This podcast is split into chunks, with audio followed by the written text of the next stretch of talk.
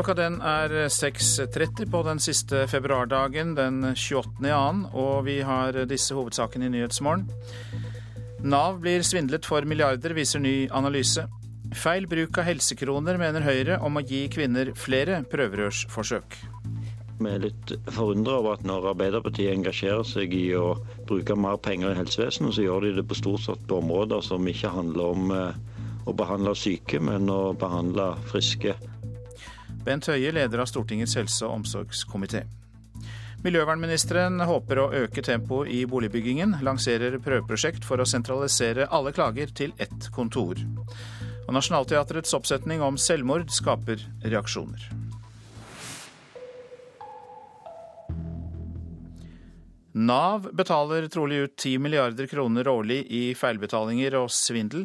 Det viser en ny beregning gjort av analyseselskapet SAS Institute. Det er VG som skriver dette i dag. Og dette selskapet mener at eh, tallet de har beregnet seg fram til, langt ifra er overdrevet. Simen Pedersen i SAS Institute AS mener at Nav har et forklaringsproblem.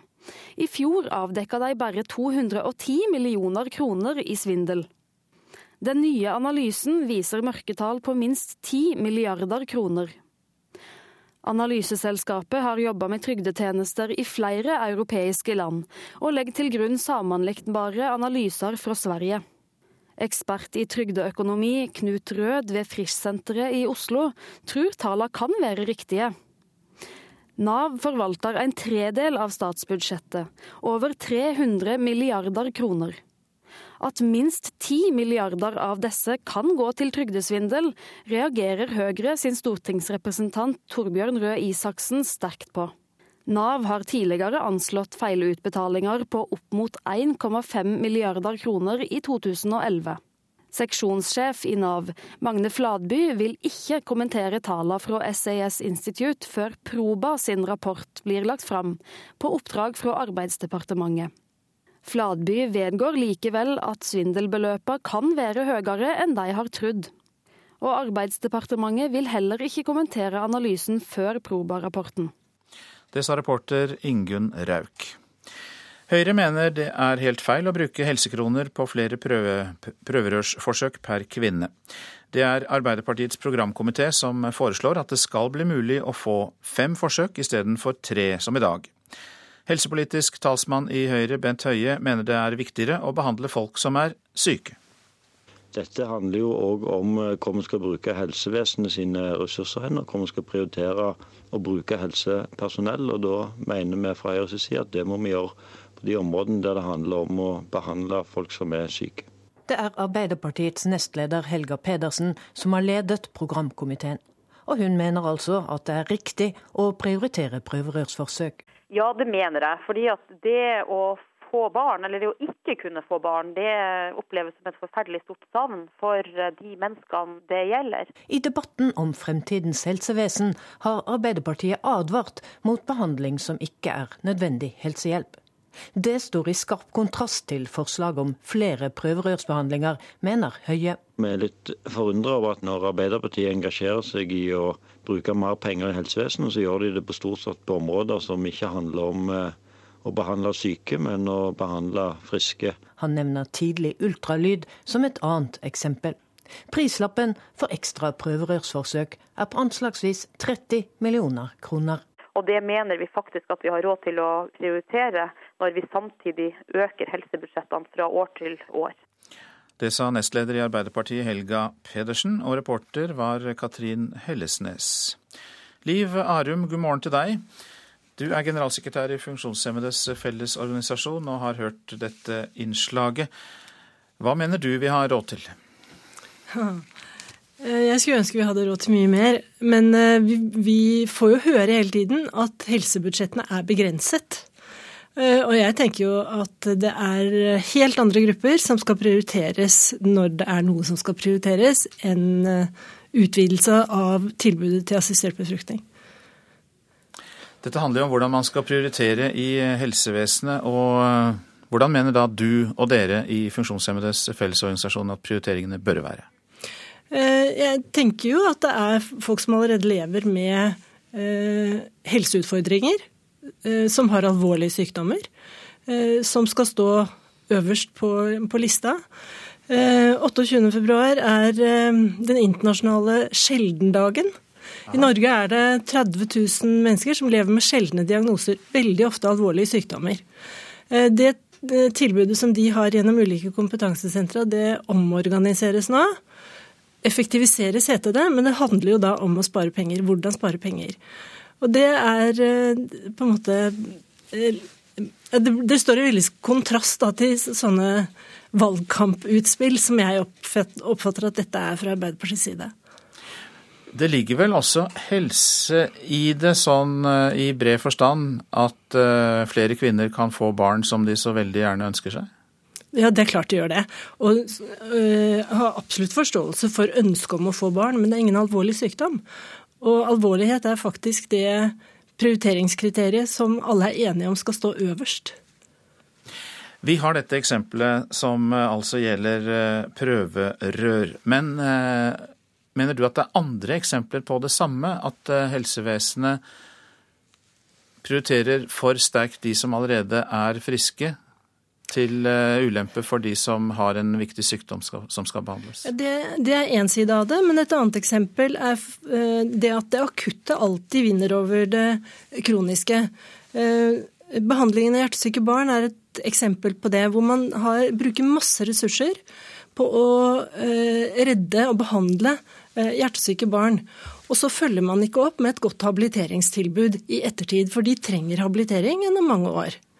Og, det, og det liksom, du, Man stuper inn i det som gir prestisje, på en måte.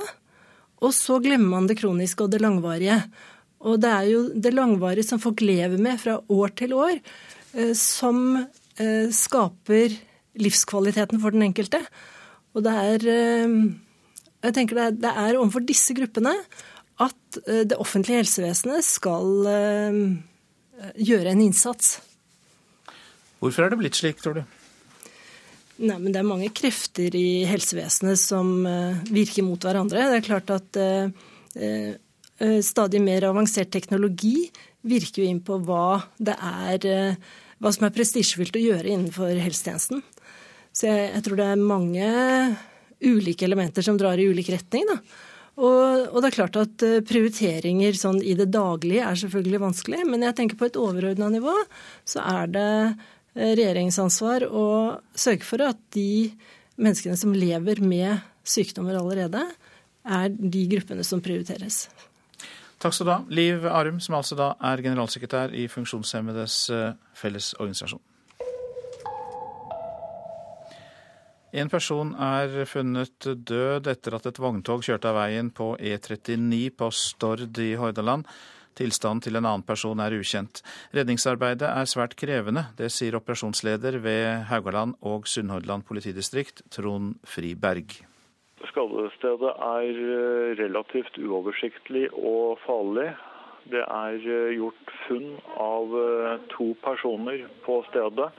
Den ene er erklært død. Den andre har vi ennå ikke greid å komme oss frem til pga posisjonen hvor vedkommende befinner seg. Miljøvernministeren håper å øke tempoet i boligbyggingen. Både Bård Vegar Solhjell går inn for et prøveprosjekt der alle innsigelser og protester mot byggesaker blir samlet på ett kontor. Av og til møter du da at naturhensyn sier én ting, og så er det de som er veimyndigheter sier noe helt annet, og, og fylkesmannen en tredje ting. Og eh, nå man, her må vi i staten avveie dem, sånn at kommunen veit hva som er eventuelle motforestillinger, og raskere kan rydde unna dem. Jeg tror det vil øke tempo f.eks. i boligbygging. Det sa miljøvernminister Bård Vegar Solhjell. Så til det avisene skriver i dag. Slik planla han 34 minutter og 37 sekunders smertehelvete, skriver Dagbladet om Petter Northug, og han lover mer gull. Snudde sinne etter VM-starten til gull, skriver Adresseavisen. Petter Northug kombinerte sinne, revansjelyst og toppform på 15 km. Og nå søker Trondheim om ski-VM i 2021, skriver Adresseavisen. Hvorfor er det så vanskelig å holde sammen, spør forfatteren Anne Holt i Dagsavisen. Hun går til kamp for de mange tusen skilsmissebarna som får sin emosjonelle base torpedert når foreldrene skiller seg, som hun formulerer det. Slik lykkes du med stebarna, ja det er VGs oppslag. Avisa lister opp de 26 eh, gode, grunn, gode råd til skilte foreldre. Høyre truer kristelige kampsaker, er oppslaget i Vårt Land. Standpunkt som har provosert konservative kristne, er brudd på helligdagsfreden, færre alkoholrestriksjoner, oppheving av sexkjøpforbudet og mindre bistand. Høyre freder sykelønna, det kan vi lese i Klassekampen, gir utvetydig garanti til norske arbeidstakere om at sykelønna ikke blir rørt de neste fire år. Alt peker oppover og oljefest, det er stikkord for Stavanger Aftenblad. Vi trenger 20 000 kolleger, sier ansatte i Aker Solutions, som skal ansette 4000 nye medarbeidere hvert år. Vi går stor usikkerhet i møte, det skriver Dagens Næringsliv. Statsminister Jens Stoltenberg frykter for norsk næringsliv etter mange dårlige nyheter fra Europa de siste ukene.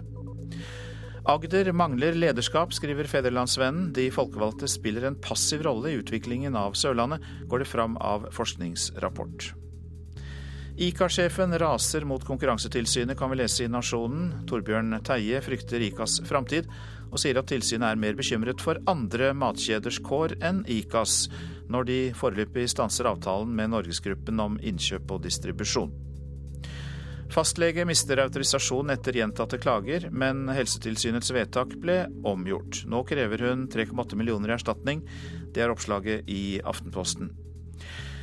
Den nasjonale scene taper kampen om kulturkronene, kan vi lese i Bergens Tidende.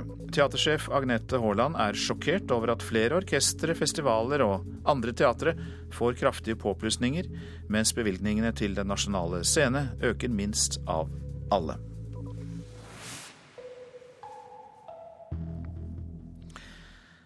Lagfølelsen i det norske hopplandslaget er unik. Ja, det mener sportssjef Claes Brede Bråten, og får støtte av sine utøvere. De mener gullet til Anders Bardal eh, nå sist bidrar til å gi resten av laget troen på det samme. Vi slipper å lure på hva som skal til for å være god nok til å vinne VM-gull.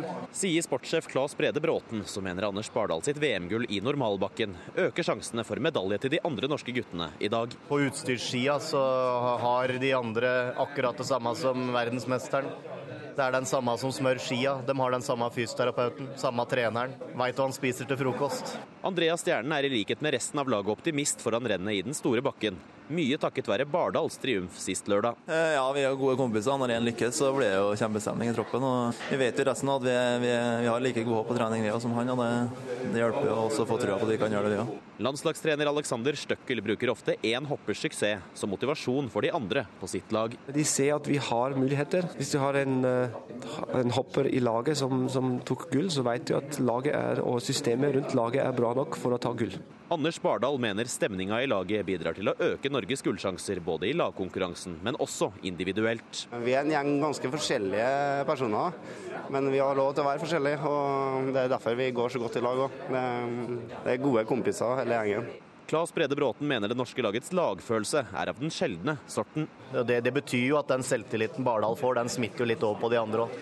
Misunnelsen eksisterer liksom ikke. Så den tryggheten er jo helt uh, unik. Ok, så får vi se hvordan det går i Val di Fiemme. Reporter Mats Håby. God morgen, Reidar Solli, du er sportsredaktør i Dagsavisen. Takk for det.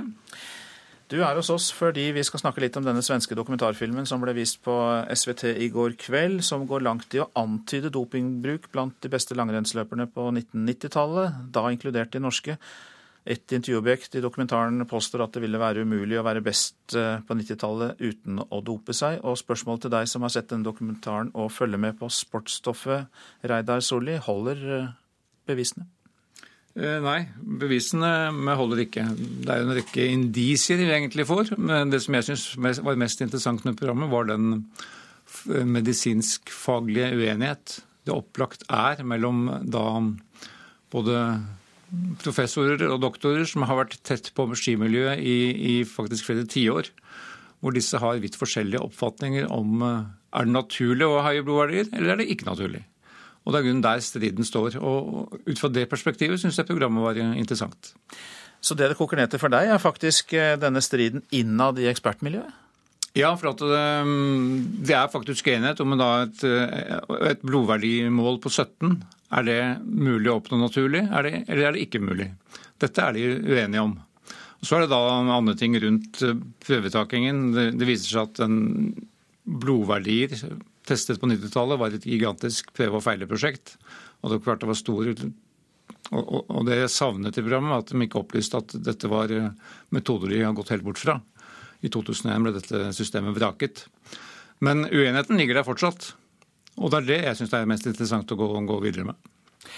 Er det kastet eh, ja, skygger over norsk langrenn gjennom dette programmet? Ja, altså Man sitter jo tilbake med en litt rar følelse. og Det er klart det beste med programmet var at det ble stilt mange gode spørsmål. Og så fikk vi egentlig ikke de gode svarene.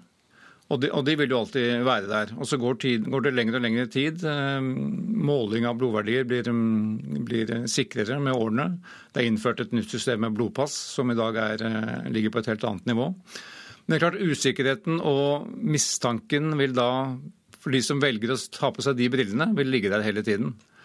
Men det vi venter på, og som, som også gjelder enhver eh, dopingsak, er at enten må vi ha fakta, eller så må vi ha en innrømmelse, eller så må vi ha noen vitnesbyrd. Og alt dette mangler per i dag.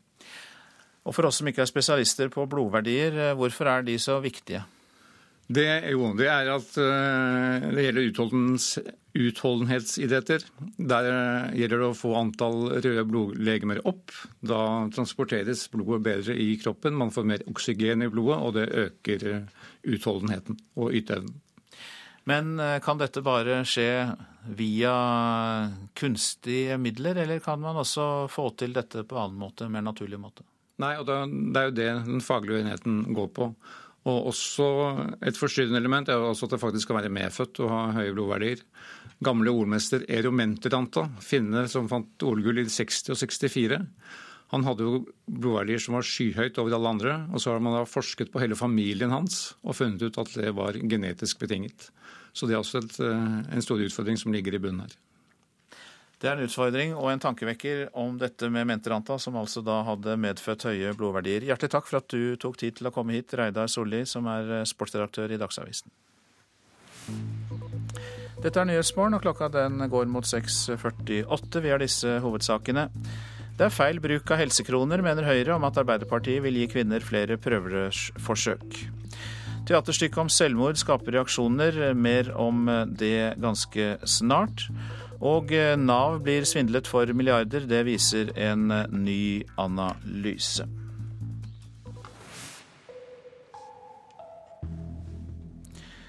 Det er eh, stor fare for at pasienter ved akuttmottaket i Helse Stavanger ikke blir godt nok observert. Det er konklusjonen i en rapport fra Helsetilsynet. For lange ventetider er en alvorlig risiko, og nå krever fylkesmannen at Helse Stavanger straks iverksetter tiltak for å bedre situasjonen. Ja, det var alt det vi skulle gjøre hjemme. Vi skulle rydde boda. Mm. Jeg hadde tatt meg fri fra jobben for jeg skulle få gjort noe. De er heldigvis ved godt mot, selv om dagen ikke ble helt slik de hadde sett for seg.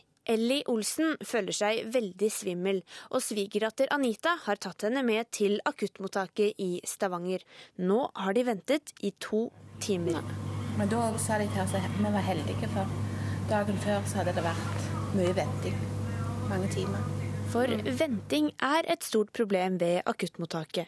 Antall pasienter ved Helse Stavanger har økt de siste årene, og nå får sykehuset kritikk av Helsetilsynet for å ha for lang ventetid. Vi er ikke fornøyd med det slik som det i dag fungerer. Eh, her er det for høy eh, risiko for at pasienter ikke blir godt nok eh, ivaretatt. Fylkeslege Pål Iden ser alvorlig på situasjonen til sykehuset. Slik kan det ikke være sånn som situasjonen er nå, så er risikoen eh, for pasienter som blir innlagt, for stor. Og dette må sykehuset gjøre noe med for å få eh, orden på. I forrige uke mottok sykehuset rapporten, som bl.a. er basert på en gjennomgang av flere pasienters journaler og bekymrede samtaler med de ansatte. Det er en en økning i pasienttilstrømning til, til, vårt akuttmottak som siden i løpet av de fem årene siden 2008 så er det en økning i pasienttilstrømning på ca. 15% Og Det til, sier jo at det er en utfordring, og at vi hele tiden har hatt utfordringer i forhold til å ha plass på sykehuset generelt, i tillegg til at akuttmottaket har fått mange pasienter. Fagdirektør ved sykehuset Sverre Ulving er blant de som innen 10. mars må legge fram forslaget til planlagte tiltak for å forbedre situasjonen. Ja, Det er jo å styrke bemanningen når vi har spesielt mange der nede, og også ha nok, da, til, nok bemanning til å behandle de som ikke haster. Hvordan gikk det? Ja, det gikk jo. Det kan gå opp til to timer. Ellie har nettopp vært inne og tatt blodprøver, og nå har hun fått vite at ventetiden ble noe lenger enn først antatt. Kvart på ett. Dette er en side av det. Så har vi jo òg sett på pasienter med tilstander som krever sykehusbehandling. Ehm, og det går på pasienter med mistenkt eh, hjerteinfarkt, alvorlig infeksjon, pasienter med, der en kan mistenke en eh, hjerneslag og lignende som blir liggende altfor lang tid før en får avklaring på om, om nødvendig straksbehandling må iverksettes. Sykehuset jobber nå med å danne en egen gruppe som skal finne løsninger på disse problemene. Men eh, det er klart situasjonen i akuttmottak er, er krevende, og det er ikke sånn i perioder så er det absolutt ikke sånn vi ønsker at det skal være. Reporter her, det var eh, Vilde Mebust Eriksen. Selvmord på teater skaper reaksjoner. Organisasjonen Leve, som står for Landsforeningen for etterlatte ved selvmord, reagerer på teaterstykket Kill Them All, som hadde premiere på Nationaltheatret i Oslo i går. I en video mot slutten av stykket får publikum se bilder av mennesker som på ulike måter tar sitt eget liv. Videoer viser autentiske bilder av folk som begår selvmord. I forestillingen 'Kill Them All' på Nationaltheatret i går kveld brukte regissør Tore Wang Lid sterke virkemidler for å fortelle historien om de mange som har tatt livet sitt som følge av den økonomiske krisen Europa fortsatt er i. Organisasjonen Leve reagerer sterkt på bruken av bildene, sier styreleder Finn Borgersen. Først og fremst fordi at det kan ha en smitteeffekt. Og det er selve metoden som vi mener er kanskje det avgjørende, som man ikke skal vise. Leve er for etterlatte som er kommet i denne veldig vanskelige situasjonen, at noen av deres nærmeste har tatt livet av seg. Han har ikke sett hele forestillingen, men videoene som vises mot slutten av stykket. Og han mener regissøren kunne tatt opp temaet uten å bruke bilder av folk som tar livet sitt. Det er klart det skal omtales, og det skal snakkes om og tas opp. Men akkurat denne lille biten som vi nå snakker om, det å eh, visualisere det med film eller eh, video eh, når det gjelder metodevalg, det er vi imot. Regissør for stykket Tore Wang Lid forsvarer at de viser bildene. Alle menneskene er anonymisert, sier han. Det handler om å bruke disse menneskelige tragediene som en, en inngang til å forstå omfanget av dette nye Europa og den europeiske krisen. Det handler om å komme bak tallene men det handler samtidig om å vise at disse selvmordene står i en sammenheng. Og Det er nettopp den sammenhengen som skiller vår måte å bruke dette materialet på fra veldig mye av, av nettet og nettsamfunnets måte å bruke, eller nettavisenes måte å bruke dette materialet på. Det andre er at måten vi gjør det på, er ikke en, en form for nitidig visning vising av, en, av enkelthendelser. Det dreier seg om å sette det i en kontekst, vise antallet, men være konkret. Eh, disse videoene, hvor kommer de fra? Disse videoene kommer fra et egentlig allesteds fra, og de er allesteds tilgjengelige. Det betyr at de er en del av et nettsamfunn. Det vrimler av de, Sånn er den virkeligheten vår blitt. Men det som jeg kan si, og det som jeg kan love, er at vi gjør det minst, eller langt, langt mindre spekulativt og langt mindre inngående enn en, en de her nå frykter. De NRK snakket med i går kveld som hadde sett forestillingen, reagerte ikke på at regissøren har brukt videoer av folk som begår selvmord. Det er mye av temaet for stykket. Det er jo finanskrisen og, og, og eh, konsekvensene av den. De er jo ikke provoserende eller utleverende eller vulgære, de bildene. De er veldig distanserte. Så jeg syns at det var fint. Jeg reagerte ikke på det. Mm. Syns det bare understreket alvoret. Mm. Mm. Hvordan virkeligheten faktisk er. Jeg syns det var veldig riktig i forhold til bruken av eh, video som medie ellers. Reporter på Nationaltheatret, Eirin Venås Sivertsen. Pengepremier i dataspillkonkurranser kan føre til at flere blir avhengige av spill. Det frykter organisasjonen Barnevakten, som gir råd om barn og medier. I dag begynner datatreffet Tromsø LAN, der rundt 400 unge møtes for å spille dataspill og konkurrere om store pengepremier.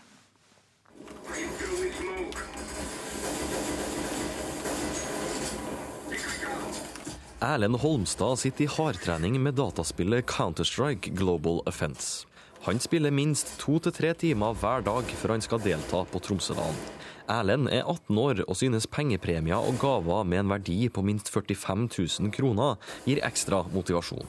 Det er en veldig stor motivator, fordi jeg snakka med noen som spiller i Norge sånn i Sør-Norge, og de vurderte å ta turen opp bare for å på en måte være med og kunne vinne denne premien. På Tromsøland, som starter i dag og varer til søndag, er det alt fra 12 til 28-åringer som er påmeldt, med en snittalder på rundt 16 og et halvt år. Det er særlig dem under 18 år som organisasjonen Barnevakten er redd for skal spille ekstra mye pga. forlokkede pengepremier. Og i verste fall bli spillavhengig. Altså For noen så vil det nok trigge at, kan, at, de kan utvikle en mer problematisk spilleatferd fordi at eh, det er penger involvert. Og det var daglig leder i Barnevakten, Merete Klausen Mo, du hørte der. Torstein Klingenberg, som arrangerer Tromsøland, poengterer at LAN er et sosialt arrangement med mye som skjer utenfor dataspill, og at de fleste som sliter med spillavhengighet, sitter hjemme og spiller istedenfor å være på LAN. Jeg tror at de som spiller, og spesielt de unge som, spiller, som finnes et spill de liker, så gjør de noe primært driver de med den spillinga fordi de syns spillet er gøy, og at de da kan vinne premie i tillegg på et land som skjer en gang i året, tror jeg ikke utgjør den store forskjellen. Altså. Det handler jo mye om selvdisiplin og faktisk når du spiller i et lag. For Erlend er det uansett ikke pengene som er det viktigste for at han skal delta på Tromsøland. For min del så spiller vi bare når det er liksom eh, konkurranse. Vi sitter nesten ikke og spiller ellers. Da går vi rundt og prater med folk. Tar vi på en måte og bare gjør andre ting og bare er sosial. Det er egentlig bare akkurat når det er konkurransene vi spiller, i hvert fall. Reporter Rune Eian.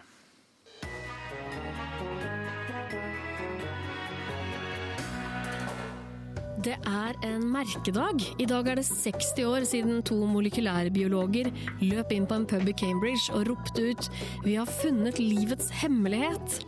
I Radioselskapet i dag skal vi snakke om oppdagelsen av DNA-molekylet, som har gitt oss både mulighet til å oppdage sykdom og fakke kjeltringer. I NRK P2 klokka 11. Og her skal vi snakke om været. Fjell i Sør-Norge, nordvestlig sterk kuling utsatte steder, snøbyger. Østlandet i dag. Lokal tåke sør for Mjøsa først på dagen. Enkelte snøbyger lengst i nord, ellers pent.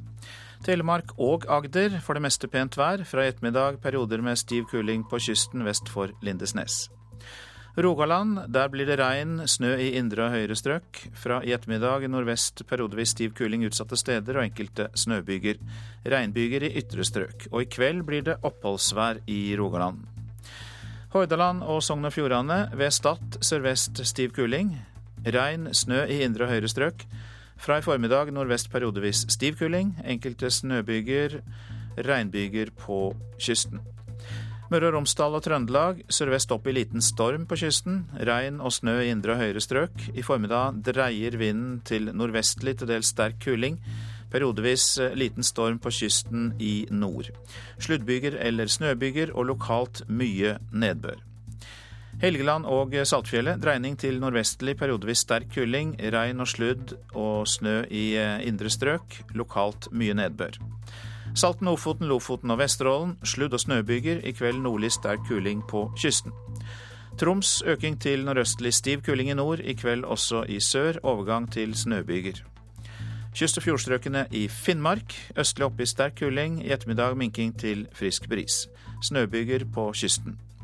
Finnmarksvidda får perioder med snø. Nordensjøland på Spitsbergen. Østlig liten kuling utsatte steder. I ettermiddag minkende til bris og pent vær. Temperaturer målt klokka fire. Svalbard lufthavn minus 20. Kirkenes minus 8. Vardø minus 4. Alta og Tromsø begge null. Bodø fem grader pluss, det samme i Brønnøysund og Trondheim. Molde pluss sju, Bergen og Stavanger pluss tre, Kristiansand minus fem, Gardermoen minus åtte, Lillehammer minus seks, Røros hadde null grader, og Oslo-Blindern hadde minus fem grader klokka fire.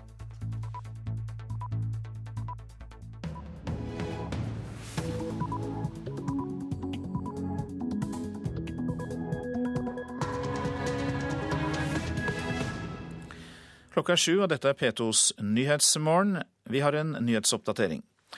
Bøndene klarer ikke å produsere så mye mat som regjeringen ønsker. Inntektene opp, sånn at bonden får mulighet til å bruke mer tid på gården sin. I tillegg så må man få investeringsvirkemidler, slik at de kan få fornye seg og utvide driften på gården for å øke matproduksjonen. Bondelagets leder Nils Bjørke. Miljøvernminister Bård Vegar Solhjell håper å øke tempoet i boligbyggingen. Av og til møter du da at naturhensyn sier én ting, og så er det de som er veimyndigheter sier noe helt annet, og, og fylkesmannen en tredje ting. Vi skal høre om et prøveprosjekt som miljøvernministeren vil sette i verk. Feil prioritering av helsekroner, mener Høyre om å gi flere prøverørsforsøk. Nav blir svindlet for milliarder, viser ny analyse. I fjor avdekka de bare 210 millioner kroner i svindel. Den nye analysen viser mørketall på minst 10 milliarder kroner. Pave Benedikt den 16. har sin siste arbeidsdag i dag. I kveld abdiserer han. Ni av ti norske bønder tror ikke de vil nå regjeringens mål om å øke landbruksproduksjonen fram mot 2030. Det viser en ny undersøkelse Norges Bondelag har gjort blant alle bønder i Norge. På Skjelve gård i Lillestrøm er situasjonen som hos de fleste bøndene i Norge. De vil, men får det ikke til med dagens landbrukspolitikk. Jeg er sikker på at jeg kommer til å ta over, men jeg er ikke sikker på hva slags drift det blir her. For sånn som det fjøset her er nå, så blir det tungvint, og det er ja, ikke optimalt for dyra sånn sett. Ingunn Kvål blir snart femte generasjons melkebonde, men går en usikker framtid i møte. For fjøset hun og 35 melkekyr står i, er så gammelt at melkeleveransene fra Skjerve gård tar slutt. Om ikke penger til nytt fjøs kommer på plass. Far Bjørn Kvål deler datteras bekymringer. Hvis utviklinga fortsetter sånn som nå, det, det, er jo, det, er jo, ikke råd for bygd noe nytt fjøs med den inntjeninga som er i landbruket i dag. Familien Kvål på Skjerve gård er blant de 90% av landets bønder som ikke mener de klarer å øke matproduksjonen med mindre norsk landbrukspolitikk endrer seg. Det viser en undersøkelse fra Bondelaget, og er stikk i strid med regjeringas mål å øke norsk landbruksproduksjon med 20% innen 2030. Leder i Bondelaget, Nils Bjørke, sier det her skyldes én ting. En ser at bonden tjener så lite i dag at han går mer og mer ut i annet arbeid.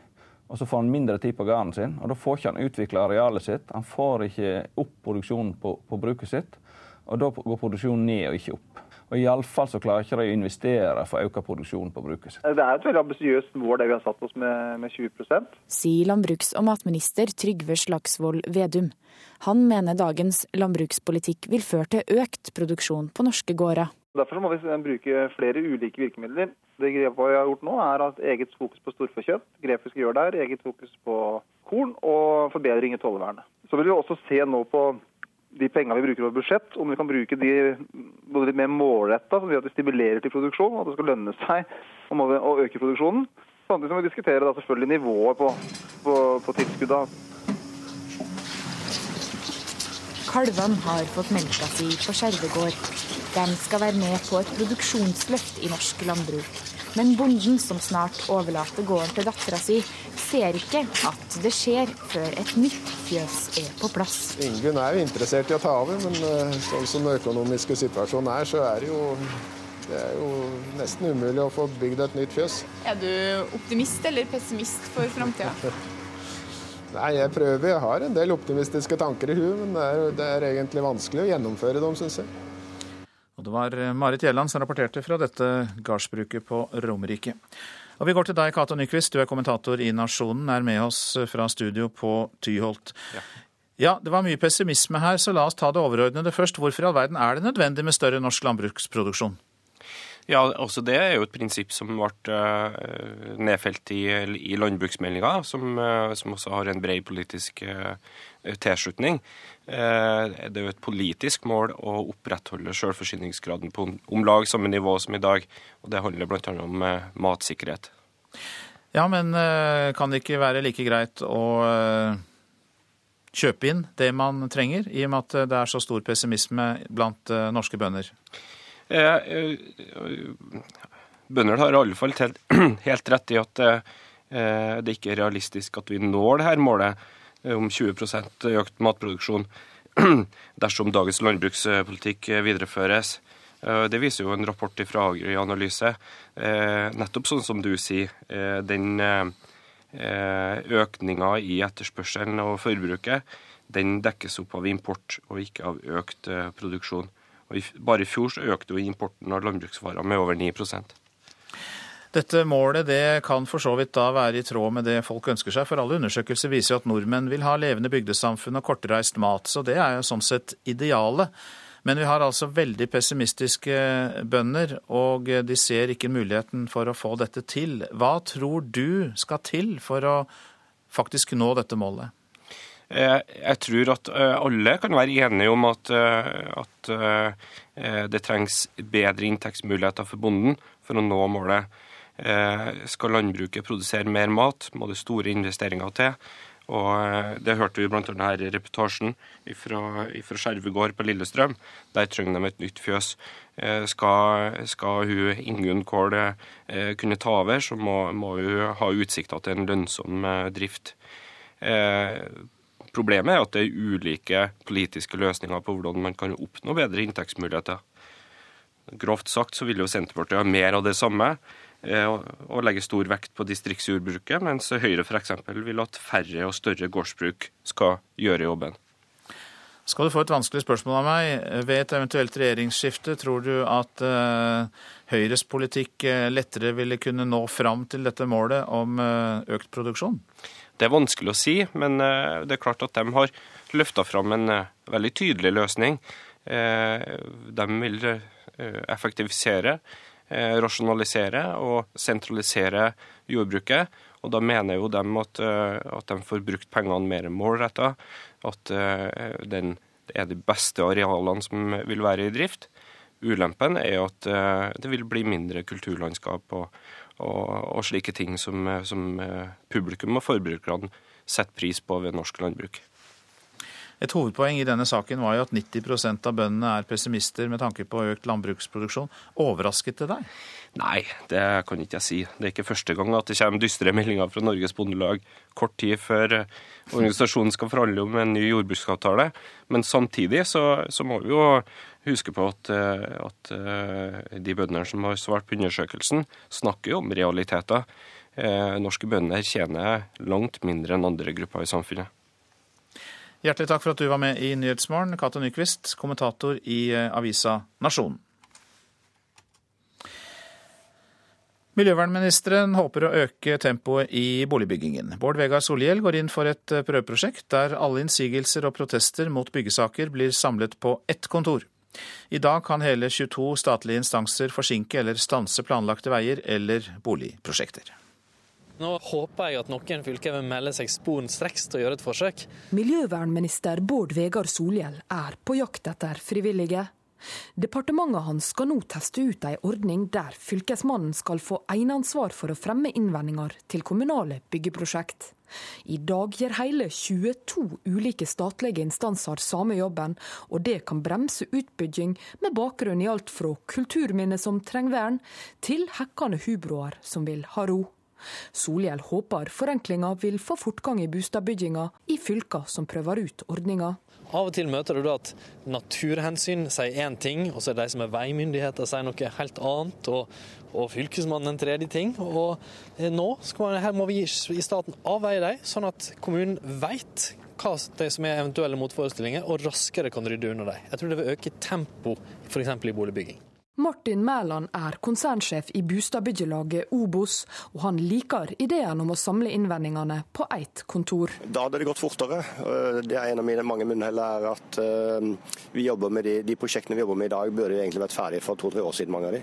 Og er det noe Norge trenger de neste åra, er det flere bostader for å møte veksten i innbyggertallet, særlig rundt storbyene. Til nå har alle innvendingene og diskusjonene mellom stat og kommune vært et problem, forteller Mæland. Eh, problemet har jo variert i omfang, avhengig av kompleksiteten i prosjektene og hvor store de har vært. Eh, fra at det har vært eh, småproblemer i små og lette prosjekter, til at det har vært årevis forsinkelser pga. innsigelser. Og der ofte statlige offentlige instanser er uenige med hverandre om hva som er viktig å prioritere. Spørsmålet som står igjen er om prøveordninga til miljøvernministeren bare kutter tallet på instanser, eller om det faktisk også vil redusere noen av innvendingene når offentlige instanser skal samordne seg internt, om de da klarer å bli fortere enige enn om de står hver for seg, og man gjennom en lang kamp kommer frem til en, eh, og en lang diskusjon kommer frem til en løsning. Så for Skal dette ha noe vits, så må det jo være at man nå fortere klarer å få avklart eh, motstridende interesser mellom eh, forskjellige offentlige instanser. Ja, Det sa Martin Mæland, som er konsern, konsernsjef i Obos. Reporter var Ellen Sporstøl og eh, Hedvig Bjørgum. Og I dag slår vi fast at eh, pave Bendik den 16. har sin siste arbeidsdag, eh, for i kveld så abdiserer han. I går ble han hyllet av tusenvis på Petersplassen i Roma, i det som da var hans siste offentlige opptreden som pave. Og nyhetene om pavens avgang har skapt reaksjoner også hos norske katolikker. Jeg ble forferdelig overraska, for det kom jo akkurat som lyn fra klar himmel. Ja, jeg tror på alle. Jeg må si, ble, ble jo veldig overraska, ikke minst pga. at det, det, er såpass lenge siden. Og det var jo en veldig overraskende melding som kom den dagen. Hva var det det første du tenkte når du hørte det? Hva skjer nå, liksom? Men i og med at ikke noen pave har abdisert på eh, 600 år, så, så ble det jo en veldig rar situasjon allikevel. Ja, her hørte vi Ragnhild Katrina Lock og Tore Heidenreich. Intervjuer var Yngve Stiansen. God morgen til deg, Øyvind Nordervall. Du er professor i kirkehistorie ved Det teologiske fakultet på Universitetet i eh, Oslo. Og først, eh, hva slags status kommer eh, den ja, Ratzinger, kan vi kanskje kalle han nå når han går av som pave, til å få? Det er jo en helt uvanlig situasjon. I og med at den forrige abdikasjonen skjedde i 1415, så har man jo ingen prosedyrer. Men det som har lekket ut nå, det er at han må gi fra seg signetringen, som jo er seilet for eh, paveembetet. Og han skal gi fra seg de røde skoene, men ellers får han gå i sin pavedrakt og bli tiltalt Hans hellighet. Eh, han skal jo i første omgang reise til sommerstedet på Castel Gandolfo, når han da slutter i kveld klokken åtte. Og så etter hvert skal han flytte tilbake til et kloster som ligger inne i Vatikanet. Men det spennende er jo hvordan en avgått pave fungerer i systemet. For har vi, jo, vi har jo ikke opplevd det. Så eh, det der blir veldig spennende å se hvordan det kommer til å, å fungere. Ja, et syvende far i huset-syndrom har vel ikke Vatikanet vært utsatt for på en stund? Nei, de har jo sitt de døde, alle sammen. Du har jo møtt eh, begge de siste to paver. Eh, hva har vært de viktigste forskjellene mellom dem? Eh, teologisk så sto de hverandre veldig, veldig nær. Fordi det var jo Johannes Paul som fikk Ratzinger, da, som var kardinal i München til Roma og satt han som leder av troskongregasjonen. Det er jo den organisasjonen i Vatikanet som har oppsyn med kirkens lære. Eh, men det åpenbare forskjellen mellom dem er jo personlighet.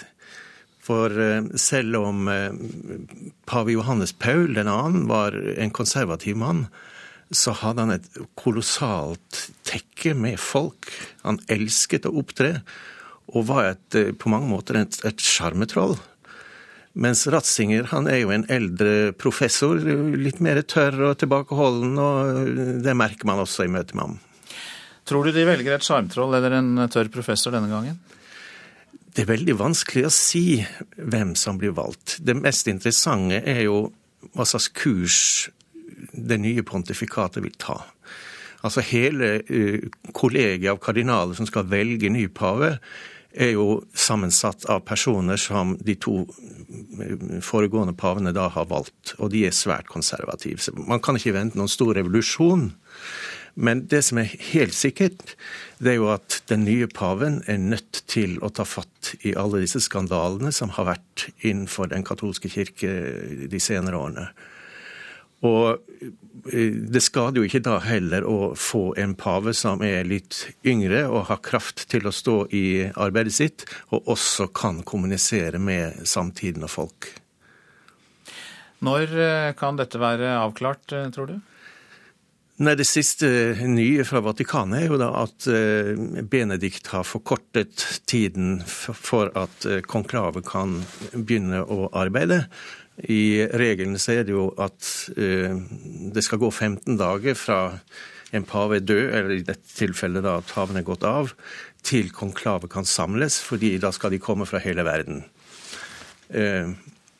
Og så skal det gå 15 dager og maksimum 20 dager under selve forhandlingene til en ny par blir valgt. Et par måneders tid, høres det ut til? Nei, jeg vil tro det går fort, eh, Fortere. fordi de blir nå innkalt ganske snart. Og da vil det gå en jeg vil tippe en tre ukers tid, ja. så før påske iallfall. Hastemøte for kardinalene altså.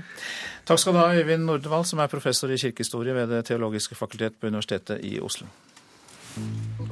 Ja, Nyhetsmorgen eh, heter programmet. Klokken passerte 7.16 nettopp, og vi har disse hovedsakene. Bøndene klarer ikke å produsere så mye mat som regjeringen ønsker. Bøndene må tjene mer, mener Bondelaget. Miljøvernministeren vil øke tempoet i boligbyggingen, vil forenkle søknadsprosessen. Og Nav blir svindlet for milliarder. Det viser ny analyse.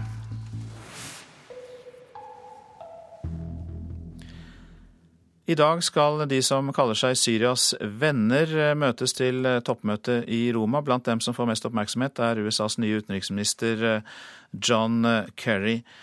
Og eh, Midtøsten-korrespondent Sigurd Falkenberg Mikkelsen, du er i Damaskus i Syria. Syrere som ønsker at eh, Assad-regimet skal falle, hva håper de om utfallet av møtet i Roma?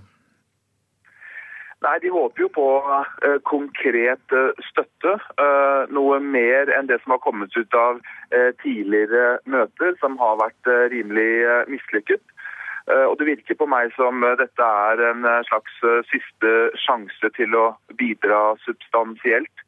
Krigen her inne i Syria raser videre, og opposisjonen føler seg jo forlatt av sine vestlige støttespillere, som ikke helt klarer å bestemme seg for hvordan de vil gjøre dette. Og her inne så går borgerkrigen videre. og situasjonen er mer kaotisk nå enn den har vært eh, tidligere. Det er veldig mange grupperinger som kjemper på opprørssiden. Eh, og regjeringen fortsetter jo med sin, eh, sin brutale krigføring. Slik at dette går veldig hardt utover sivilbefolkningen særlig. Støtteerklæringer har det kommet i det siste fra USAs nye utenriksminister John Kerry, altså til opposisjonen. Er det grunn til å tro at USA endrer politikk og begynner å bevæpne opposisjonen i Syria? Dette møtet holdt jo på å kollapse eh, helt. Eh, opposisjonen truet med å eh, boikotte, noe som ville gjort det helt fullstendig meningsløst. Nå klarte Kerry å unngå diplomatiske, det diplomatiske nederlaget ved å ringe direkte til opposisjonen. Spørsmålet er hva de lovet der. Ifølge lekkasjer som har dukket opp bl.a. i Washington Post, så dreier det seg fortsatt om leveranser av ikke ikke-dødelig utstyr, som det heter eh, i byråkratiske termer. Altså denne gangen kan det dreie seg om pansrede kjøretøy eller eh, eventuelt eh, skuddsikre vester. De har jo tidligere bidratt med noe kommunikasjonsutstyr. Spørsmålet om det er nok til å forandre den militære balansen her i Syria. Det er jo fortsatt slik at selv om opprørsstyrkene gjør små skritt framover, så er det regjeringsstyrkene som har det overlegent beste utstyret. FN eh, sier at 40 000 syrere flykter fra landet hver eneste uke. Hvordan er flyktningsituasjonen? Den er eh, prekær, eh, den er utrolig vanskelig. Vi har sett en voldsom akselerering av dette de siste eh, månedene, fordi krigføringen har blitt så mye mer eh, brutal, og den rammer så eh, mye større deler av landet. Eh, og Der er det to ting eh, vi ser. Vi ser at det er flere som eh, flykter til nabolandene, men også flere som beveger seg eh, inn i, eh, inne i Syria. Det er snakk om 2,5 millioner mennesker som er internt fordrevne. Eh, Noe av eh, problemet som kommer nå, er at eh, de snart ikke har noen trygge steder å dra til, eh, ettersom krigføringen nærmer seg Damaskus eh, kraftig. og Det er jo hit mange har flyktet, for her har det vært eh, relativt eh, fredelig eh, så langt. Takk skal du ha, Midtøsten-korrespondent Sigurd Falkenberg Mikkelsen, som altså rapporterte fra Syrias hovedstad Damaskus. Vi snur oss mot Moskva, for Frankrikes president Francois Hollande kommer for første gang dit i dag. Iran og Syria, menneskerettigheter og et fransk ønske om mer russiske investeringer. Det er eh, noen av eh, temaene. Og så kanskje også den franske skatteflyktning og filmstjerne Gérard Depardieu, som eh, ja, Putin møtte og ga russisk pass, spøker i bakgrunnen. Hva sier du om det, Moskva-korrespondent Hans-Wilhelm Steinfeld? Ja, jeg får vel begynne med å sitere president Putin for en måned siden, som sa at tradisjonelt har Russland alltid kommet til enighet med den franske politiske ledelsen. Men det spørs om sosialisten eller sosialdemokraten president Hollande vil eh, ha like koselige møter med Putin som eh, forgjengerne Jacques Chirac og eh, Sarkozy hadde. Iran og Syria er vel kanskje de heteste utenrikspolitiske temaene? Ja, russerne har jo merket seg at vestmaktene har antydet lettelser i sanksjonene mot Iran. Men i Syria-spørsmålet vil nok de to presidentene stå mot hverandre, til tross for at John Kerry møtte den russiske utenriksministeren Sergej Lavrov i forgårs, uten at det kom noen bevegelser i den russiske støtten til Assad-regimet i så måte. Menneskerettigheter er et tema som skaper reaksjoner i Russland, og det fikk vel Angela Merkel merke på sitt besøk i fjor. Hva tror du om eh, dette temaet, om eh, Hollande tar det opp? Ja, eh, det krasjet jo fullstendig på det spørsmålet mellom Merkel og Putin. Men lederen for utenrikskomiteen i Dumaen, Aleksej Puskov, sier i dag at russerne noterer seg ingen tilsvarende kritikk mot menneskerettigheter blant de franske lovgiverne, til forskjell fra Bundestag og Kongressen i USA. Og så er det dette med økonomien, da, som jo alltid er pragmatismens bakteppe. Og franskmennene er jo kjent for sin pragmatiske holdning til utenrikspolitikk. Ja, altså Hollande sliter jo tungt, ikke minst med økonomien på hjemmebane. Er det i det hele tatt noe russerne kan bidra med der? Ja, det er vel det som vil temme Francois Hollande, fordi de franske sosialdemokratene har tradisjonelt vært mer menneskerettsorientert enn de borgerlige i fransk politikk, og nå trenger eh, Hollande drahjelp. Han vil være veldig obs på at russerne må øke investeringene i Frankrike, for de russiske investeringene i Frankrike er bare en tolvtedel av de franske investeringene i russisk økonomi, og samtidig er det jo slik at Russland har 40% av sine valutareserver fortsatt stående i euro. Så her er det nok en felles mark presidentene Putin og Hollande kan beite på for å komme frem til en positiv vektor fra dette toppmøtet her i Moskva i dag. Mange takk skal du ha, Moskva-korrespondent eh, Hans-Wilhelm Steinfeld. Vi tar med at eh, president Barack Obamas tidligere stabssjef eh, Jack Lew blir ny finansminister i USA. 71 av representantene i Senatet stemte i går kveld for Obamas valg av finansminister, mens 21 stemte imot.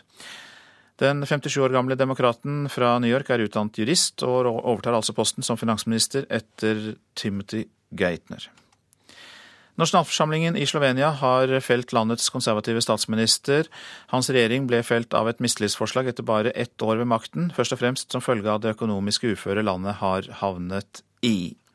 Opposisjonspartiet Positiv Slovenia har fått i oppdrag å danne ny sentrumsvenstreregjering, og, landets, og, da kan det bli eh, landets første kvinnelige statsminister som inntar regjeringskontorene, nemlig Alenka Bratusek. Sånn noen ord om avisene i dag. Slik planla han 34 minutter og 37 sekunders smertehelvete, skriver Dagbladet om Petter Northug, og han lover mer gull. Snudde sinne etter VM-starten til gull, skriver Adresseavisen. Petter Northug kombinerte sinne, revansjelyst og toppform på 15 km, og nå søker Trondheim om ski-VM i 2021. Hvorfor er det så vanskelig å holde sammen, spør forfatteren Anne Holt i Dagsavisen. Hun går til kamp for de mange tusen skilsmissebarna som får sin emosjonelle base torpedert når foreldrene skiller seg, som hun formulerer det. Slik lykkes du med stebarn, det er VGs oppslag. Avisa lister opp 26 gode råd til skilte foreldre.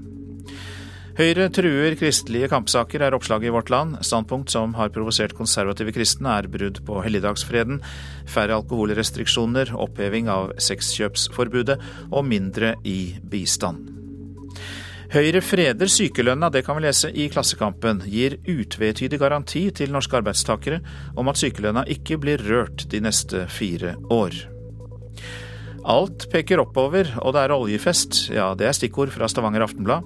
Vi trenger 20 000 kolleger, sier ansatte i Aker Solutions, som skal ansette 4000 nye medarbeidere hvert år.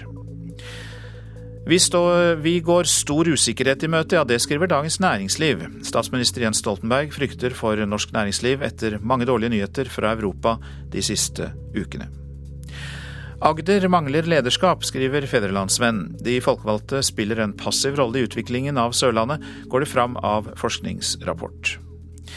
ICA-sjefen raser mot Konkurransetilsynet, kan vi lese i Nasjonen. Torbjørn Teie frykter ICAs framtid, og sier at tilsynet er mer bekymret for andre matkjeders kår enn ICAs, når de foreløpig har stanset avtalen med Norgesgruppen om innkjøp og distribusjon.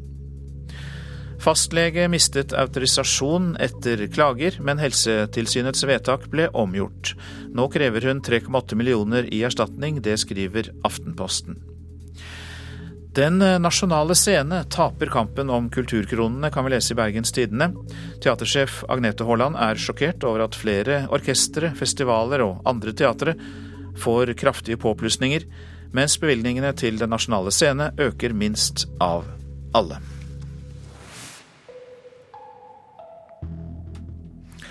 Ansatte i barnevernet er for dårlige til å snakke med barn, slik at de føler seg viktige.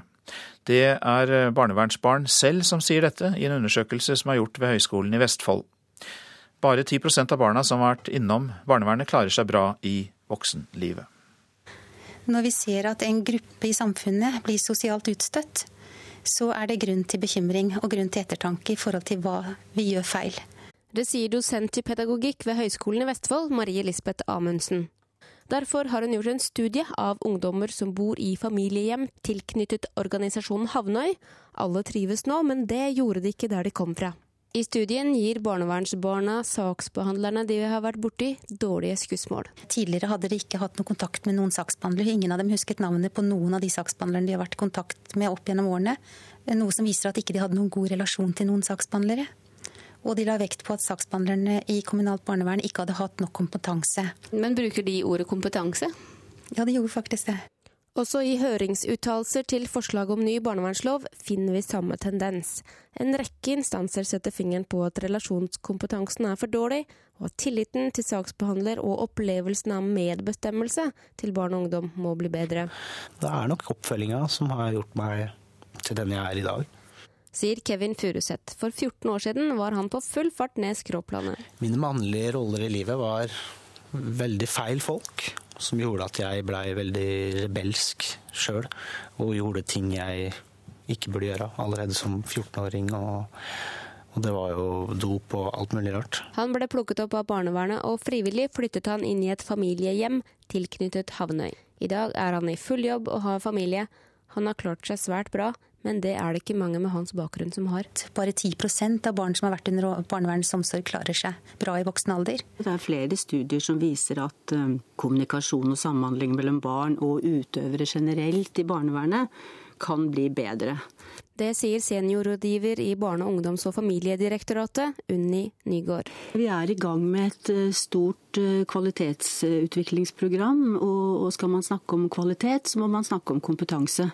Eh, det å samtale med barn, Det er noe vi skal gjennomføre i 2013, og da se på det å samtale med barn i relasjon til brukermedvirkningsbegrepet. Reporter Helena Rønning. I store deler av verden er røyking farlig. På Cuba er det kultur. Bli med på sigarfestival i Havanna etter Dagsnytt. Og i Politisk kvarter blir det bl.a. debatt om 8. mars mellom Unge Høyre og Sosialistisk Ungdom. Produsent for Nyhetsmorgen Eli Bjelland. Her i studio Øystein Heggen.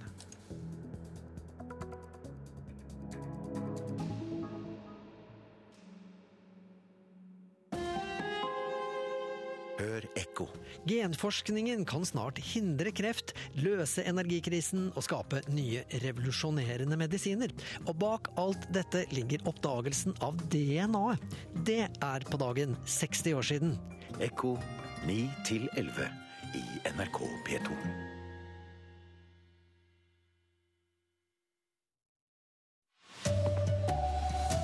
Norske bønder klarer ikke produsere så mye mat som regjeringen ønsker.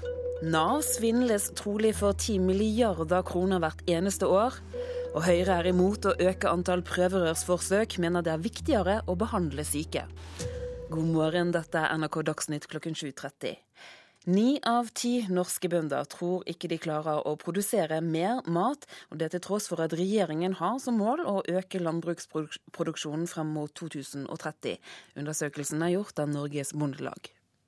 Jeg er sikker på at jeg kommer til å ta over, men jeg er ikke sikker på hva slags drift det blir her. Hun skal snart ta over familiegården. Men Ingunn Kvål er i likhet med 90% av bøndene i Norge sikker på at hun ikke kan øke produksjonen på gården om ikke regjeringa bevilger mer penger til bøndene. Det viser en ny undersøkelse fra Bondelaget. Landbruks- og matminister Trygve Slagsvold Vedum mener regjeringa legger nok til rette for at norske bønder skal nå målet om å produsere 20% mer mat i løpet av 20 år. Vi er jo veldig opptatt av å få økt matproduksjon i Norge med 20% Derfor så satte vi i gang en sånn storfekjøttgruppe, en korngruppe. Vi gjorde de tollendringene vi gjorde nå til, til jul, så vi legger til rette for en produksjonsøkning. Bondelagets leder Nils Bjørke er ikke fornøyd.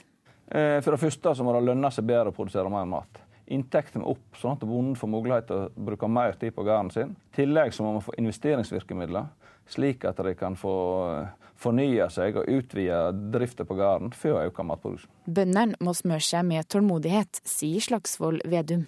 Her må vi gjøre mm, flere ulike grep, og vi må ta steg for steg. Her er det mange ulike grep vi kan gjøre for å stimulere til, mer produksjon. Tror jeg det som også er uh, morsomt å oppleve nå, at det er veldig mange landbruk sjøl som er glad for at vi nå har et helt annet matproduksjonsfokus enn det vi hadde for noen år siden. Reporter her var Marit Gjelland, og bøndene har grunn til bekymring når det gjelder å nå den politiske målsettingen om å øke produksjonen. Det sier kommentator i Nasjonen, Bjørn Nyquist. Bøndene har i alle fall helt rett i at eh, det ikke er realistisk at vi når det her målet eh, om 20% økt matproduksjon dersom dagens landbrukspolitikk videreføres. Eh, det viser jo en rapport fra Agri-analyse.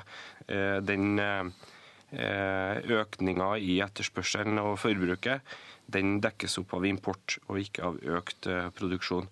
Og bare i fjor så økte jo importen av landbruksvarer med over 9 Nav betaler trolig ut 10 milliarder kroner årlig i feilbetalinger og svindel. Det viser en ny beregning gjort av analyseselskapet SAS Institute, beskriver VG.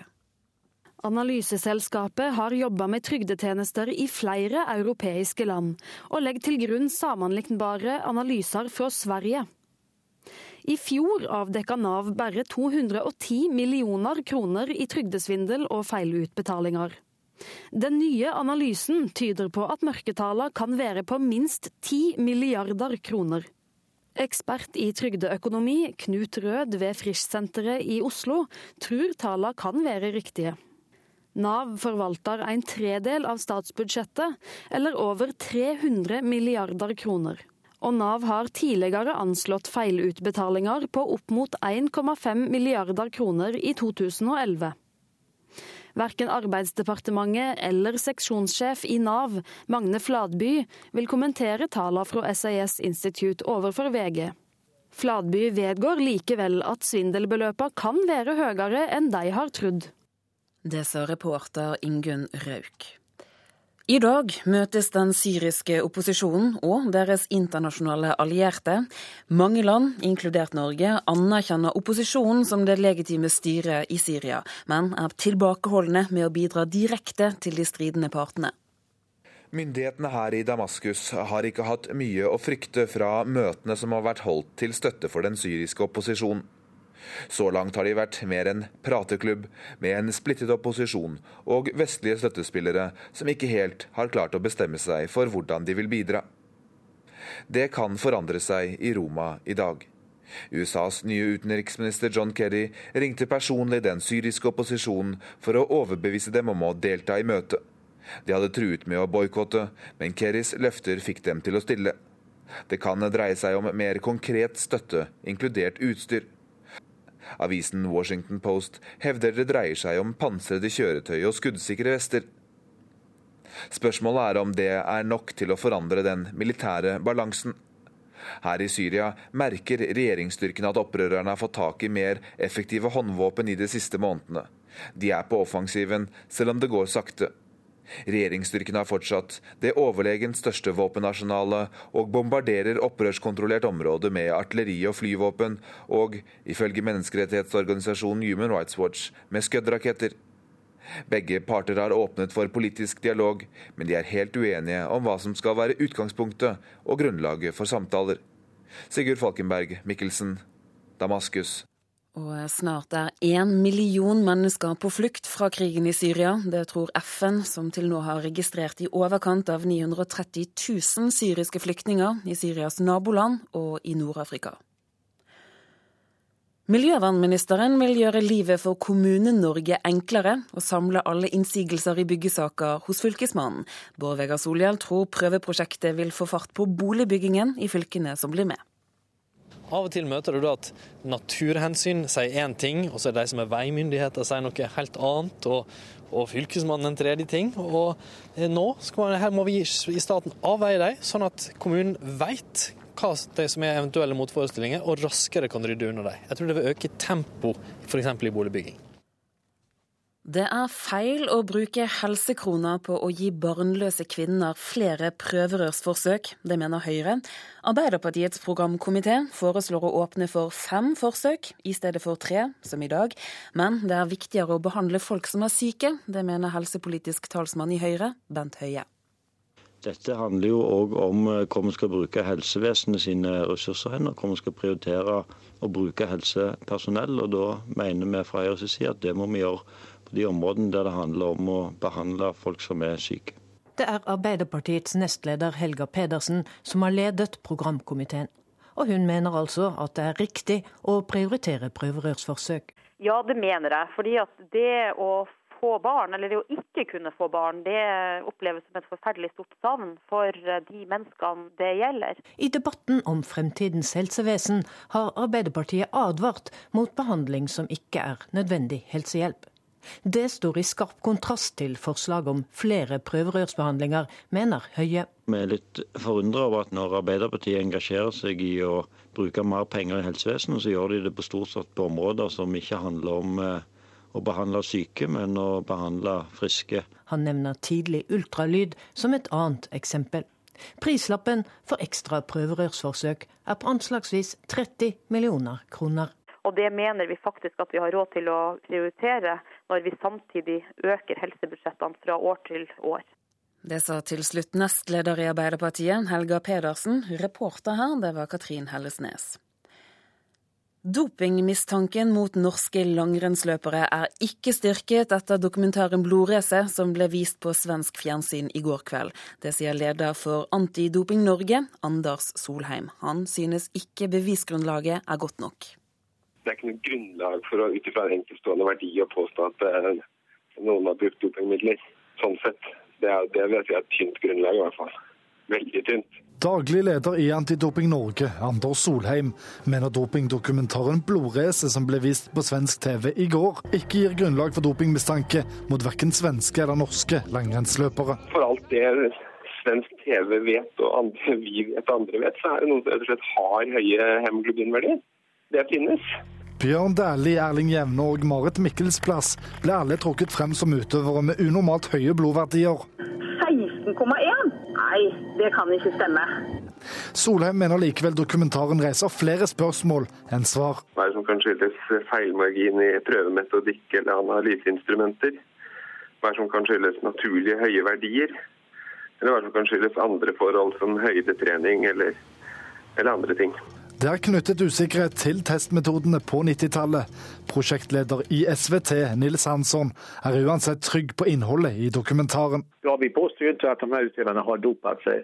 Vi har latt to eksperter analysere de her blodverdiene, og så har vi også konfrontert skidåkerne med de her blodverdiene for å stille spørsmål til dem. Eh, har du noen forklaring til at det blir så her? Jeg at Det er et jobb som eh, er viktig å utføre, og det burde gjorts for lenge siden. Det sa til slutt Nils Hansson i SVT. Reporter det var Oddbjørn Visnes. Ansvarlig for denne dagsnyttsendingen var Elin Pettersen. Teknisk ansvarlig Per Ivar Nordahl. Her i studio Turi Grønbekk.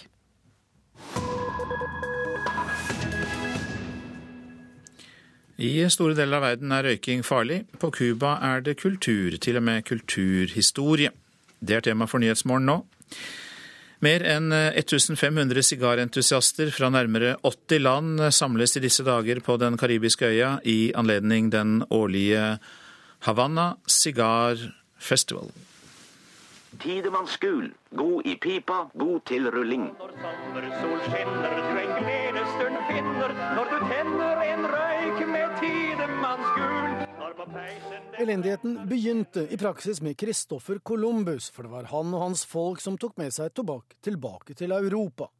Men det dreier seg tross alt om to forskjellige verdener. For det å nyte en sigar er noe ganske annet enn det å røyke tobakk. Det har kulturpersonligheter og såkalte aficionados visst og prediket lenge. Men ikke noe sted i verden løftes sigarkultur og røkekunst til samme høyder som på Cuba. Este año eh, se ha incrementado considerablemente todos los, están casi 100% de todos nuestros distribuidores mundiales. Cubanerne, med sigarprodusent Valfrido Hernandez i spissen, er storfornøyde. I den sammenheng er sigarfestivalen svært sentral. Cuba selger sigarer for om lag to milliarder kroner i året, og fremtiden ser lys ut. Ikke minst takket være nyrike og storrøykende russere og kinesere. Med utgangspunkt i Havanna-festivalen ser sigardirektør Hernandez ingen grunn til bekymring. Tenemos nivel de stand superiores, más expositores, se esperan muchos más valores de venta. Utstillingsområdet på festivalen er delikat anrettet med trinidader og cohibas. For cubanske sigarer kommer i forskjellige størrelser, fasonger og fargenyanser, alt etter styrkegrad og smak, og kanskje også markeringsbehov. Derfor er seminarene, omvisningene, foredragene, besøkene og møtene i disse dager viktige for cubanerne. Og de frelste investerer tusenvis av dollar i reise og opphold, samt oppkjøp.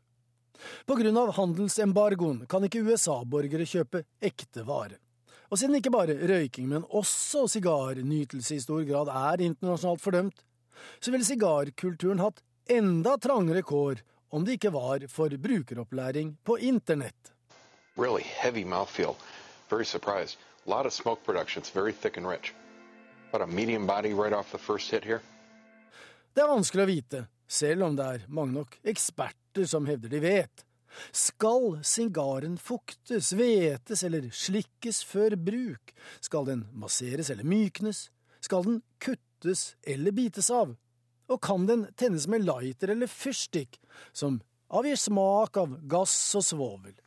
I det hele tatt, sigaren har overlevd alle verdens antirøykekampanjer og på bakgrunn av interesse og kultstatus, så er det ingen grunn til cubansk bekymring på dette felt, ifølge Luis Sanchez, også han sigarsjef.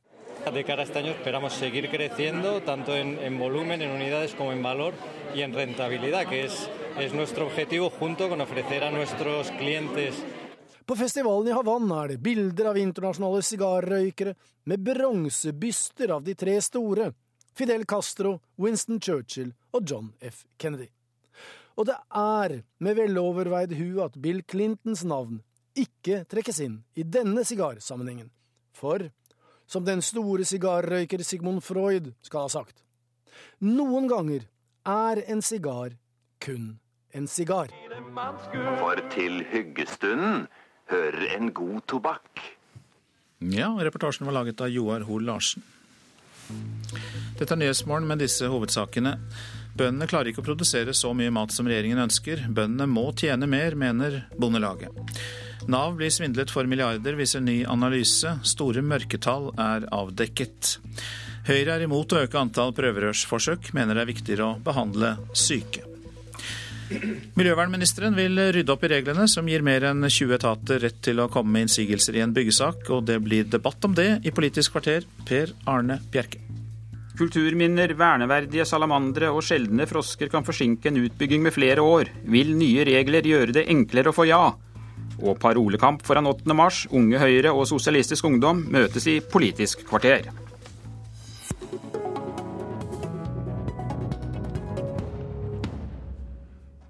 «22 ulike instanser kan i dag forsinke eller stanse planlagte veier og boligprosjekter.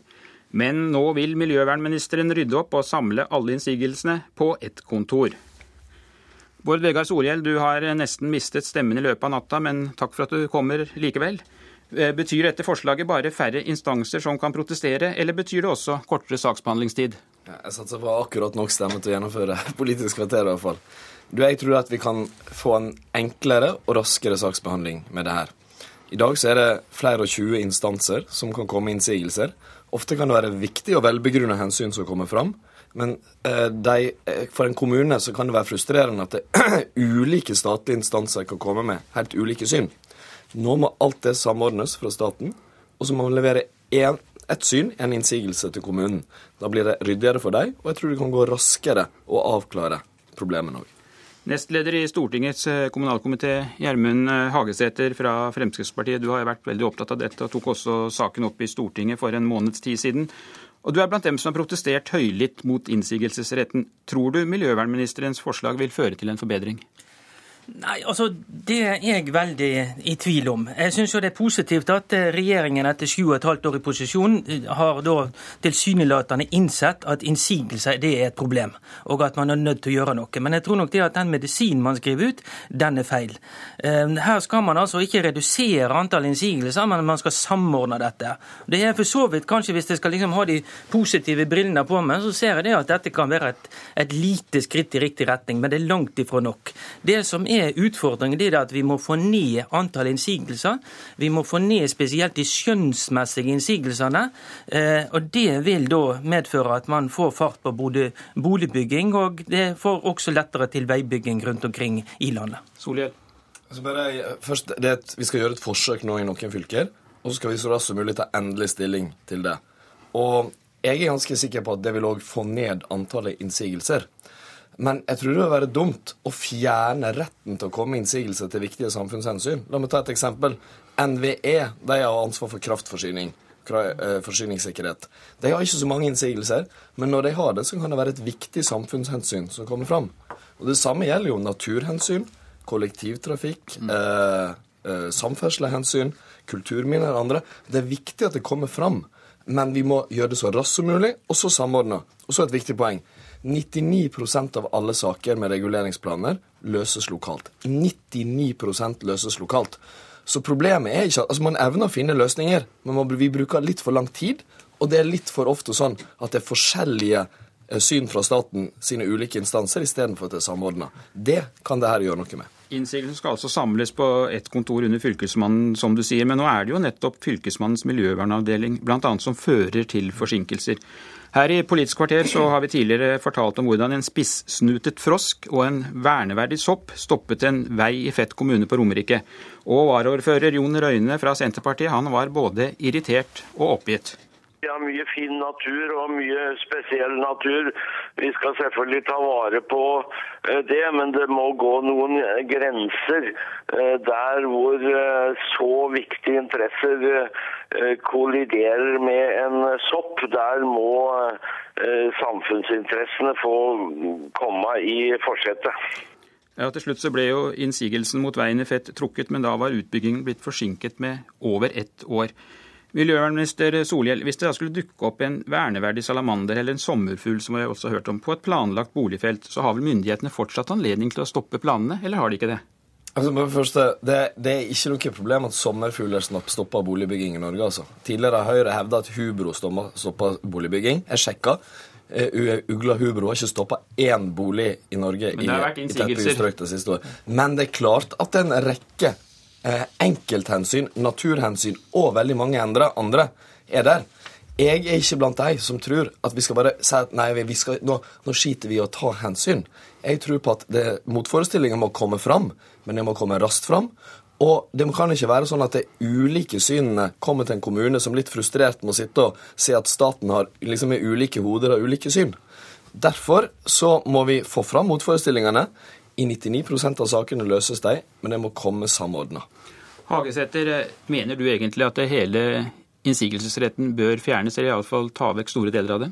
Ja da, det mener jeg. Eh, og det ser vi jo det at eh, det er altså Det som vi får tilbakemeldinger fra lokalpolitikerne, det er det at eh, hele lokaldemokratiet smuldrer vekk. Altså Man har ikke sjølråderett i kommunene pga. at man får da innsigelser i hele tiden fra spesielt fylkesmannen. Og Det som er òg interessant å se, det er at det er veldig stor forskjell fra fylke til fylke. Hvis vi sammenligner da Hordaland og Sogn og Fjordane i reguleringsplaner, så er det altså fire ganger så mye innsigelser i Hordaland som det er i Sogn og Fjordane. Eh, det er 7,5 eh, i, i Sogn og Fjordane, mens det er nesten 30% i, i Hordaland. Og Da er det jo altså slik at Lovverket er jo det samme i disse to fylkene, men altså her er det altså da eh, åpenbart det at, at man praktiserer det på en annen måte i Hordaland enn man gjør i Sogn og Fjordane. Hvis ikke det er slik at sogningene alle de fra Sogn og Fjordane de er mer sindigere og lettere å ha med å gjøre, og sånt, og det er det ingenting som, som tyder på, sånn jeg kjenner til det. Så, så, her må man rett og slett få ned mulighetene til Fylkesmannen å komme med innsigelse. Eh, og det ja. ser jeg ikke det at dette forslaget For legger opp til. det hele tatt. Det er vel kanskje noe av det sentrale, Bård Vegar Solhjell. Vil du redusere mulighetene til å protestere? Vil det bli færre anledninger til å protestere? La meg først si at Det med forskjellene mellom fylkene det synes jeg Hagesæter er et viktig poeng. For de er mye større enn man kan forklare av gode grunner. Derfor går vi gjennom det nå fra regjeringas side, for å se om det kan ha noe med praksis og måten man gjør det på, og en del fylker har klart mindre innsigelser. Så tror jeg ikke Fremskrittspartiet forstår sjøl nesten hva de foreslår hvis de skal fjerne muligheten til innsigelse. Betyr det at hvis forsyningssikkerhet for strøm er trua av et prosjekt, så skal ikke det komme fram? Betyr det, at hvis det er trafikksikker, så skal ikke Vegdirektoratet komme fram med det og si fra? Betyr det at eh, hvis det, det truer rovdyrbestander, vi de fleste av oss ganske opptatt av å bevare, så skal ikke det komme fram fra Fylkesmannens miljøvernavdeling? Og det samme på jordvern og andre hensyn. Det, det, er en grunn til at ingen andre partier enn Fremskrittspartiet mener det. Det vil være komplett useriøst og føre til eh, en total mangel på retning og, plan, og samfunnsplanlegging hos oss. Derfor må vi gjøre det bedre, mer effektivt og raskere men ikke fjerne alle de hensynene som må komme Men det, det kan jo ikke være slik at alle og enhver bare kan ta en bulldoser og sette i gang uten nei, nei, noen form for regulering? Nei, og det vet også Bård Vegar Solhjell, at, eh, at, slik er det ikke. Nasjonale interesser, nasjonale hensyn skal selvfølgelig ivaretas. Og derfor så vil Nettopp for at du skulle ta vekk innsigelsesretten. Ja, det er det, det og det, Og det til Fylkesmannen så skal vi redusere den og eh, ta den vekk på mange områder. Og så skal vi da opprette en forvaltningsdomstol, og det vet jo også det at vi nettopp har fremmet et representantforslag representantforslag på det området der. Og, og der har også statsråden gitt sin uttalelse til, så da kjenner han godt også det merknad hva vi har sagt i forhold til det. Men vi kan ikke dra gjennom alle merknadene. Men det som alle ting, en domstol! Det kan da umulig være sånn at det å innføre en ny domstol vil gjøre det enklere.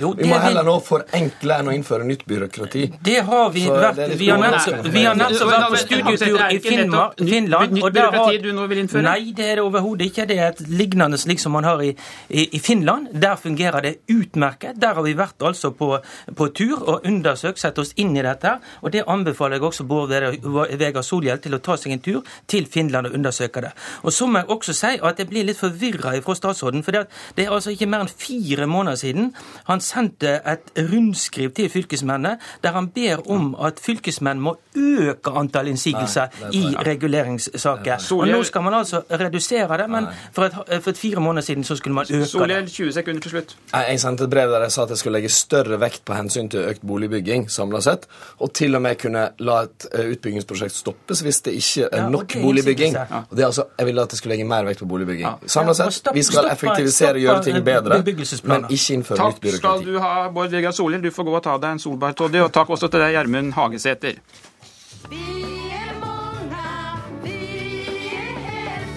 Av alla människor i stan, av alla här i landet Vi är Ja, mange av dere drar kanskje kjensel på noen strofer fra en av kampsangene fra kvinnefrigjøringen på 1970-tallet.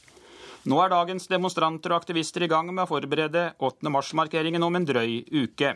I Oslo har det vært kamp om parolene der Unge Høyre ønsker å gå i tog under banneret 'Kvotering er diskriminering'. Og nestleder i Oslo Unge Høyre, Jenny Clemet von Tetzschner, hvorfor vil du bruke 8. mars til å demonstrere mot kvinnekvotering? Grunnen til det, er at vi mener at eh, kvotering det er dobbel diskriminering. For det første så diskriminerer man mannen som blir satt til side selv om han er god. Og for det andre så diskriminerer man kvinnen fordi man indirekte sier at hun er et svakere kjønn enn mannen. Anna Tresse, nestleder i Sosialistisk Ungdom. Dere hadde parolemøte tidligere i uka og klarte å stoppe forslaget fra Unge Høyre. Hvorfor er du imot at Unge Høyre skal få ha sine egne paroler i 8. mars-toget? Eh, Jeg mener at alle skal være velkomne til 8. mars. Og jeg mener at vært, eh, 8. mars har lenge vært eh, dominert av eh, krefter på ytterste venstre og vært for smalt. og Derfor mener jeg at det er veldig, veldig bra at Unge Høyre har meldt seg inn i debatten.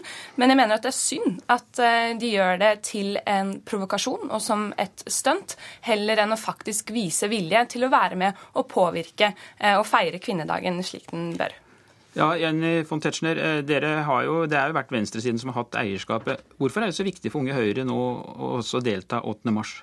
Det er fordi venstresidens feminisme det er ikke en feminisme som norske kvinner flest kan stille seg bak. For å ta et eksempel, da, så eh, tror jeg de aller fleste kvinnene i Oslo, når de går på gaten nedover eh, i Oslo sentrum, så er de mye mer opptatt av, eh, av å føle seg trygge, og de er opptatt av at det skal være mer politi i gatene, enn f.eks. at det er retusjert reklame som henger på veggene. Eh, Alle kan delta på lik linje, og det er jo et demokratisk forum hvor eh, hver kvinne får en stemme. Sånn at Unge Høyre ble stemt ned, det var synd, men jeg skulle jo ønske at Unge Høyre hadde deltatt i hele prosessen, eh, for det første, og vært med på de forberedende møtene. Og for det andre så skulle jeg ønske at de hadde sendt inn litt mer seriøse paroler. F.eks. rett til deltid, som de sendte inn. Det vitner om at Unge Høyre ikke har grep om de faktiske arbeidsforholdene til veldig mange kvinner rundt om i landet. Det er retten til deltid det er noe alle har, både frivillig og ufrivillig. Men, og det er retten til heltid som er noe av det viktigste vi kan gjøre for å gi de kvinnene som tar de tungste løftene i samfunnet, den økonomiske selvstendigheten og respekten de fortjener. Eh, Von Tetzschner, var det litt eh, provokasjon i de forslagene dere sendte inn? Ja, Vi sendte inn eh, paroler som motstrider litt mot de tradisjonelle parolene som har vært med. Og grunnen til det er at vi har lyst til å vise at det er ikke alle kvinner som kan stille seg bak de parolene som har vært med tradisjonelt. Det er ikke alle kvinner som er sosialistiske, selv om de er feminister. Eh, Så vi har lyst til at vi skal eh, heller se på likestilling og likeverd mellom kjønnene, istedenfor å bruke dagen til å fremme sosialistiske eh, budskap. Og det er derfor vi ønsker å vise vår eh, motstand til eh, de tradisjonelle parolene. Anna Tresse, er det ikke viktig å få en eh, tverrpolitisk enighet her for å virkelig styrke kvinnenes stilling? For det er jo det denne dagen dreier seg om. Ja, jeg er helt enig, men da må også Unge Høyre vise en faktisk vilje til å være med, og ikke kun til å provosere. Det skal være et rom for masse mangfold i de parolene. F.eks. For eksempel så vet jeg at jeg og Jenny er enige om parolen 'nei til surrogati'. Der står vi sammen, og det er det veldig mange andre kvinner som er med oss. Så det skal være eh, bredde og enighet, og det skal være en dag som er fylt med hyllest av fortida, men som også viser eh, at det fortsatt er mye som gjenstår eh, i samfunnet. Nei, jeg bare håper at eh, vi i fremtiden kan få paroler som ja, alle kan stille seg bak, som er universelle, men også et mangfold av paroler på begge sider. Så derfor så skulle jeg ønske at det, det var mulig å stille opp med egne underparoler som strider mot de som er eh, vedtatt eh, som hovedparoler. Dere er eh, begge unge i begynnelsen av eh, 20-årene. Hvor viktig er det for eh, unge kvinner å engasjere seg i 8. mars i dag, Tresse? Jeg synes det er kjempeviktig. Eh, jeg er glad våre formødre ikke ga seg når de fikk eh, stemmeretten, eller når, de, når vi vant retten til selvbestemt abort. Det er fortsatt mye som gjenstår, bl.a. Eh, deltidsproblematikken, likelønn og omfanget av vold mot kvinner, som er alarmerende høyt i Norge i dag. Og Derfor oppfordrer jeg alle unge jenter på tvers av de politiske skillelinjene til å stille opp i tog 8. mars. Jenny von du fikk ikke lov til å ta med parolene dine, men du har sagt at du vil gå i toget. Hvor viktig er 8. mars for deg? Jeg syns det er kjempeviktig å vise at eh, det finnes eh, borgerlige feminister som, er, eh, som står på kravene for likeverd og, og likestilling. Men jeg syns også det er viktig å få frem at vi kan ikke stille oss bak alle de sosialistiske parolene som har vært i kvinnetoget år etter år etter år. Og nå er det på tide at vi viser at eh, det finnes kvinner som er imot det, og at eh, vi også får lov til å gå i toget med våre egne paroler. Og da ønsker jeg deg hjertelig velkommen til det forberedende arbeidet også til neste 8. mars eh, sånn at man kan få en konstruktiv debatt, og der dere faktisk fremmer paroler som handler om krav, og ikke om å provosere. Takk skal dere ha, og lykke til med feiringen om en uke. Og det var Politisk kvarter med Per Arne Bjerke.